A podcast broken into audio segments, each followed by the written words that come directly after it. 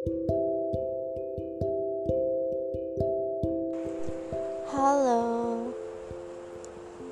selamat datang di podcast Healing Bareng. Healing bareng aku, bukan hanya healing versi aku, tapi juga healing versi kalian. Yuk, cerita bareng aku.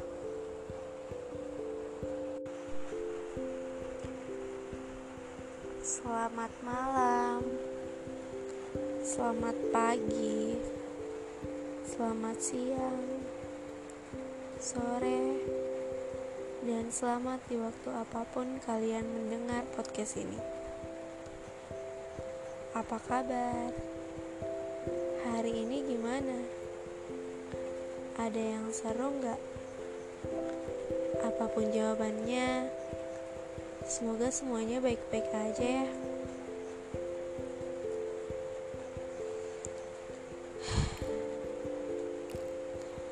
Aku gak pede. Aku gak bisa. Aku cuman bisa ini. Aku gak jago. Aku gak cantik. Aku gak pintar. Aku juga gak tinggi. Aku juga gak punya body goals. Aku rasa aku gak pantas untuk dicintai. Orang yang terlalu nyaman untuk sendiri. Sampai lupa definisi bagaimana sempurna untuk diri aku sendiri. Ya, aku sebut itu insecure. Insecure bukan hal yang asing lagi di telinga aku. Selama ini, kata insecure selalu saja muncul di mulut, pikiran, bahkan menyelimuti hati dan perasaan aku. Kalau bisa dibilang, mungkin insecure sudah menggerogoti pikiranku. Terlalu banyak hal yang sempurna yang aku lihat di dunia ini. Sampai pada titik aku merasa apa benar bumi adalah tempat tinggalku.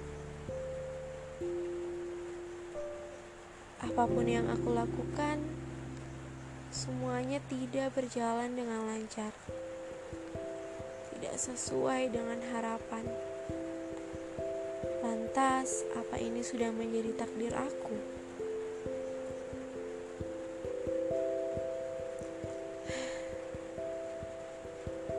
Mencoba berteman dengan berbagai jenis dan look orang yang berbeda-beda.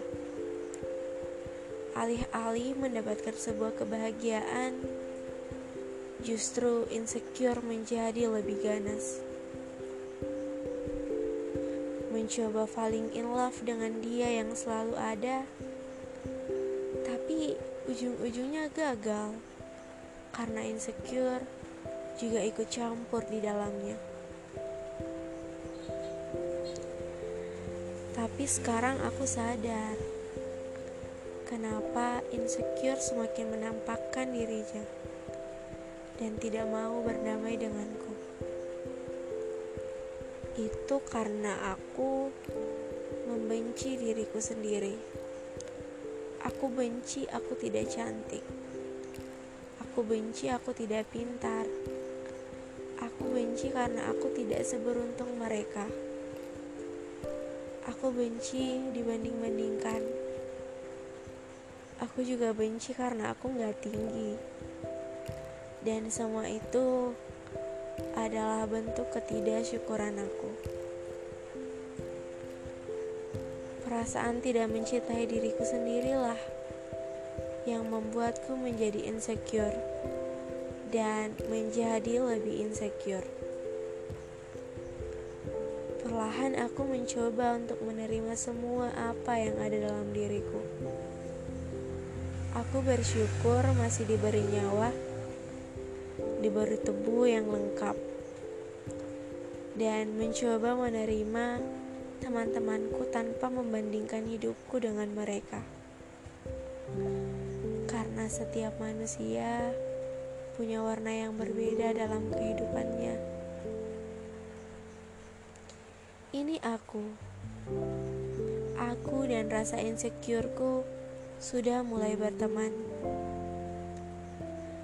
Insecure tidak lagi muncul. Namun kadang ia muncul saat insecure melihat hal yang lebih pantas untuk dirinya dan pantas untuk aku insecurein. Seperti aku insecure dengan manusia-manusia yang sudah mantap akan berhijrah. Ya, sedangkan aku yang masih belajar. Mungkin aku bisa mulai berteman dengan insecure karena dia sekarang seperti ini. Aku harap insecure kamu tidak ada lagi di tempat lain. Cukup di sini seperti sekarang.